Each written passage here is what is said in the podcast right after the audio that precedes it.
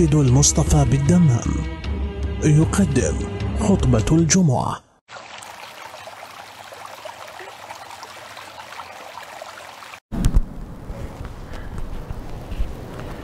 أعوذ بالله من الشيطان الرجيم. بسم الله الرحمن الرحيم. الحمد لله رب العالمين خالق الخلق أجمعين باعث الأنبياء والمرسلين. وأزكى الصلاة وأشرف التسليم على النبي المصطفى الصادق البار الأمين حبيب الله ونجيبه وخيرته من خلقه أبي القاسم محمد.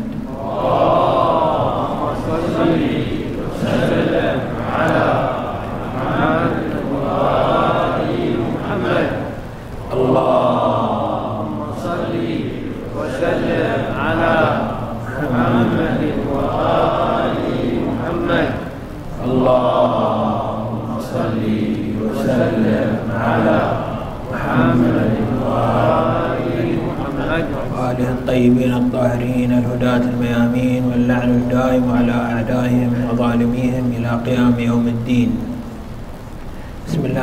الرحيم. أمن هو قانت آناء الليل ساجدا وقائما. يحذر الآخرة ويرجو رحمة ربه. قل هل يستوي الذين يعلمون والذين لا يعلمون؟ إنما يتذكر أولو الألباب. صدق الله العلي العظيم. حديثنا حول هذا التقسيم الذي ورد في أحاديث أهل البيت عليهم أفضل الصلاة والسلام حول الذين يعلمون والذين لا يعلمون وأولو الألباب.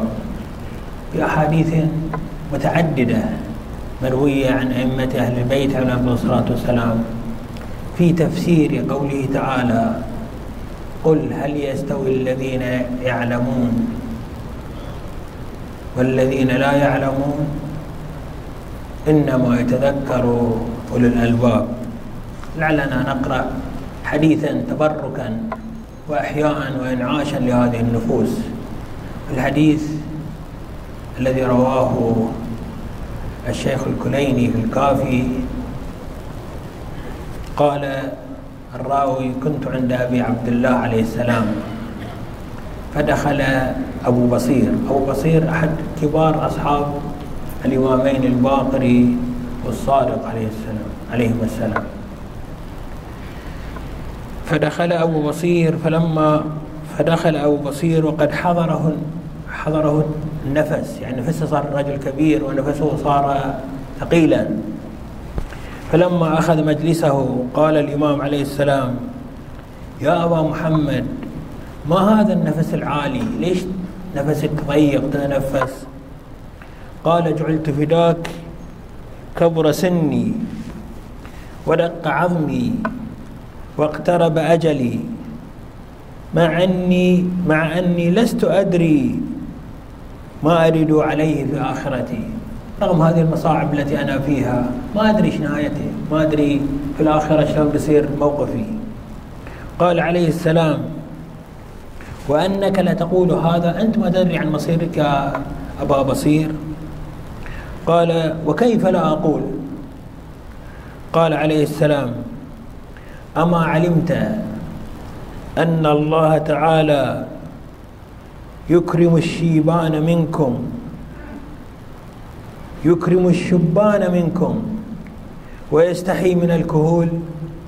قلت وكيف يكرم الشبان ويستحي من الكهول؟ قال عليه السلام يكرم يكرم الشبان أن يعذبهم ويستحي من الكهول أن يحاسبهم.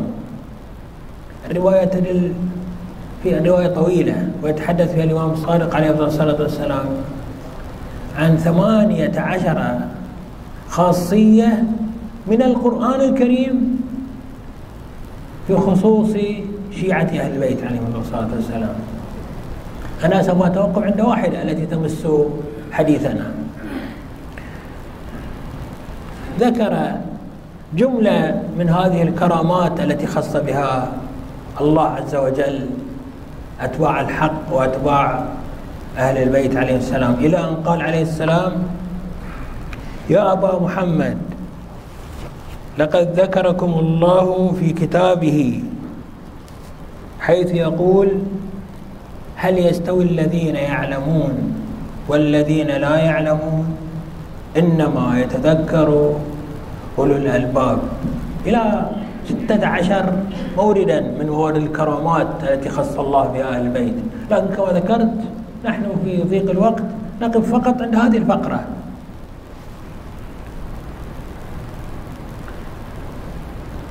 الذين لا ثم يفسر الإمام الصادق عليه السلام هذه الآية القرآنية. الذين فنحن الذين يعلمون. وأعداؤنا الذين لا يعلمون وشيعتنا هم أولو الألباب. هذا هو التقسيم الصحيح للإنسان في مسيرته المعرفية. الذين يعلمون هم رسل الله وأوصياءهم وأولياءهم الذين لا يعلمون هم من عاداهم من رفضهم. وأولو الألباب هم من شايع أهل الحق شايع الأنبياء واتبع أهل البيت على وجه الخصوص كما تدل عليه هذه الرواية. فنحن الذين يعلمون وعدونا الذين لا يعلمون وشيعتنا أولو الألباب. أنا سأطرح سؤالا وأحاول أن نجيب عليه على وجه الصراحة. السؤال هو عدونا الذين لا يعلمون.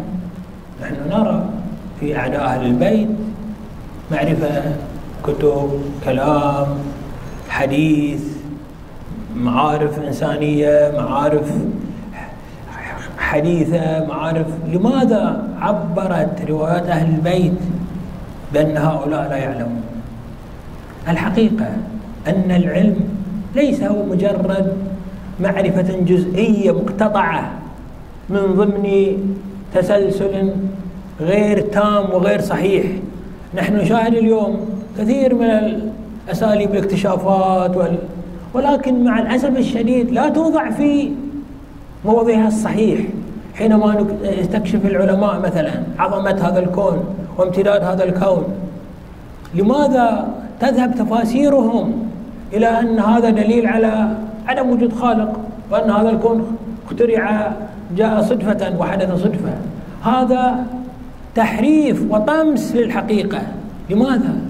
لأن الإنسان ما لم يكن لديه أسس صحيحة للمعرفة فأينما ذهب وحيثما تعلم وحيثما جاء بالمعرفة فسوف يصب هذه المعرفة في طريق الضلال ولا أقل في طريق ناقص غير صحيح وغير سليم وليس كل علم يمكن أن يعد معرفة حقيقية. كثير من المعارف في الحقيقة لا علاقة لها ببناء الإنسان وقوام شخصيته ولا في تطوره ولا في مع الأسف الشديد كثير من الشباب يضيعون أوقات كثيرة في معارف لا تنفع في الدنيا ولا في الآخرة. دخل رسول الله صلى الله عليه وآله ذات يوم مسجده كما في الرواية المعروفة والمشهورة فوجد رجلا يطوف به مجموعة من من الناس هو يحدثهم. قال رسول الله ما هذا؟ شد احتفاء بهذا الرجل. قالوا هذا علامة. قال وما العلامة؟ قالوا الذي يعرف أخبار العرب وأحداثهم وحروبهم وأنسابهم وهذه معارف كثيرة يحيط بها هذا الرجل يجلس معه ليستمعون إلى كلامه. فقال عليه أفضل الصلاة والسلام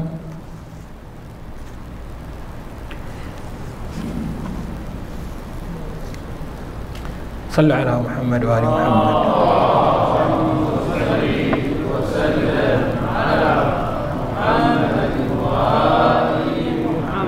ذلك علم لا يضر من جهله ولا ينفع من علمه. أنا أوجه كلمتي إلى إخواني أبناء الشباب.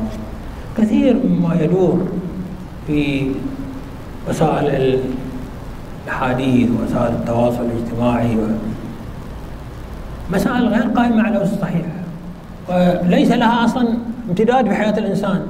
أسماء أشخاص ممثلين رياضيين.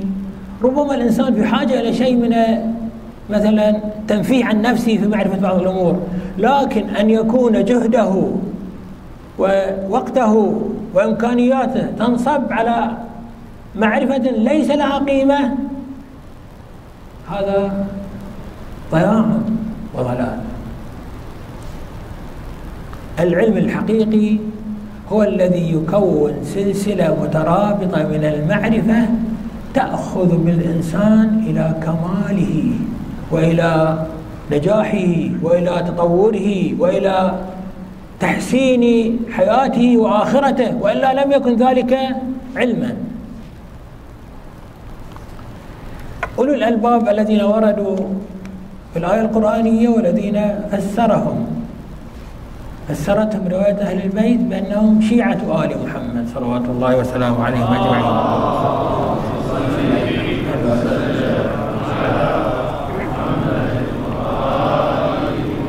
لا شك أنها صفة مدح وثناء.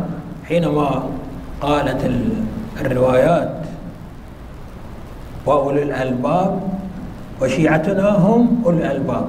ولكنها ليست فقط مدح وإنما هي مقياس وتمييز أيضا. إذا كنت تريد أن تعرف أنك حقيقة من أولي الألباب حقيقة من شيعة أهل البيت فانظر ماذا قال القرآن الكريم في أولي الألباب. أولا أولي الألباب من الناحية الفكرية هو الإنسان الذي يوسع دائرة معرفته. قال تعالى الذين يستمعون القول فيتبعون أحسنه إنما يتذكر أولو الألباب.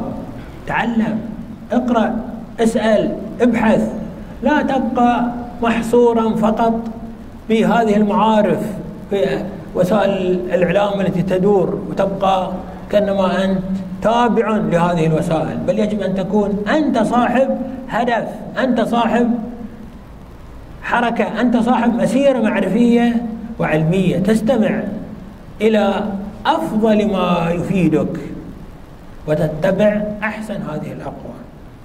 ثانيا العبادة. قال تعالى الآية القرآنية استفتحنا بها الحديث أمن هو قانت آناء الليل ساجدا وقائما يحذر الآخرة ويرجو رحمة ربه. قل هل يستوي الذين يعلمون والذين لا يعلمون؟ إنما يتذكر أولو الألباب. ليكن لك نصيبا من العبادة اليوم 24 ساعة. لو جعلت للعبادة ربع يومك خمس يومك جزءا من النهار تؤدي فيه واجباتك الشرعية وجزء من الليل في الوصية المحمدية لأمير المؤمنين عليه الصلاة والسلام. كرر رسول الله هذه الجملة ثلاث مرات. عليك بصلاة الليل عليك بصلاة الليل عليك بصلاة الليل. إذا ما نقدر كل ليلة واحد على الأقل بين مثلا ليلة وأخرى ليلة الجمعة مثلا يصلي صلاة الليل. الله سبحانه وتعالى كريم حينما نحافظ على الصلوات ونؤديها في وقتها ونصلي ولو حينا من من الأوقات مثلا الصلوات المستحبة.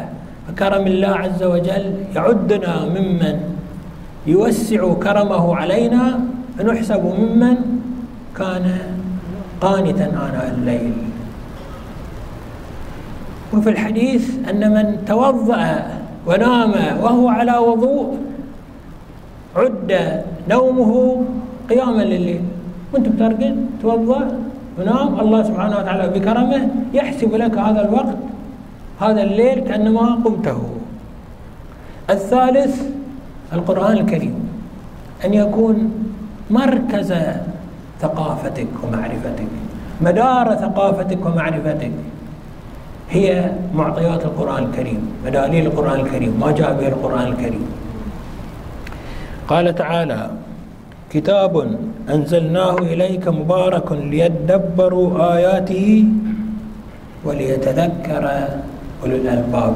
ليكن ثقافتك قرآنية. لا بمعنى أنك تفهم تفسير القرآن وتعرف تفسير القرآن وإن كان هذا أمرا جيدا أن يحضر الإنسان دروسا بتفسير القرآن الكريم.